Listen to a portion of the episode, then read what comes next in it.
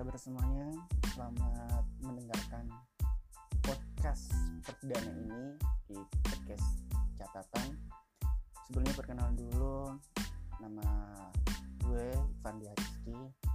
Jadi nanti ke depannya podcast ini akan lebih ke cerita tentang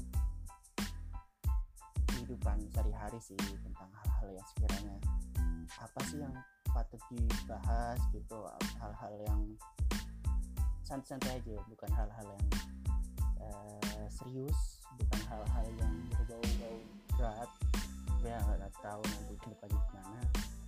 Uh, jadi uh, mungkin itu aja sih dari ya untuk saat ini. Perkenalan aja dulu.